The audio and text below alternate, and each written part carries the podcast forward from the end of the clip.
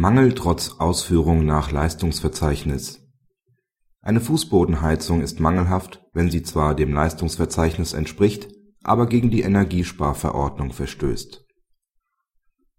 Der klagende Bauherr hat bei dem beklagten Handwerker eine Fußbodenheizung System N bestellt. Der Handwerker führt die Bestellung entsprechend aus. Allerdings widerspricht die Heizung § 12 Absatz 2 Energiesparverordnung da sie nur mit normalen Thermostatventilen und nicht mit einer thermostatischen Raumtemperaturregelung ausgestattet ist.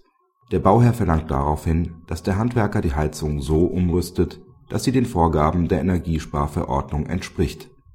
Der Handwerker verweigert die Mängelbeseitigung, weil er genau nach Leistungsverzeichnis ausgeführt habe. Eine thermostatische Raumtemperaturregelung schulde er nicht. Der Bauherr klagt daraufhin die Mängelbeseitigungskosten ein das OLG gab der Klage statt. Die Heizung entspricht unstreitig nicht den Vorgaben der Energiesparverordnung. Damit liegt jedenfalls ein Verstoß gegen die anerkannten Regeln der Technik vor. Dass sich der Handwerker an das Leistungsverzeichnis gehalten hat, ändert daran nichts.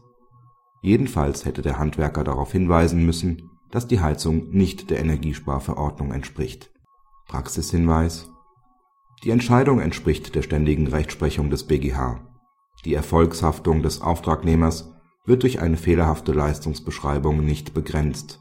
Er musste die Leistungen deshalb so erbringen, dass sie den anerkannten Regeln der Technik entsprechen.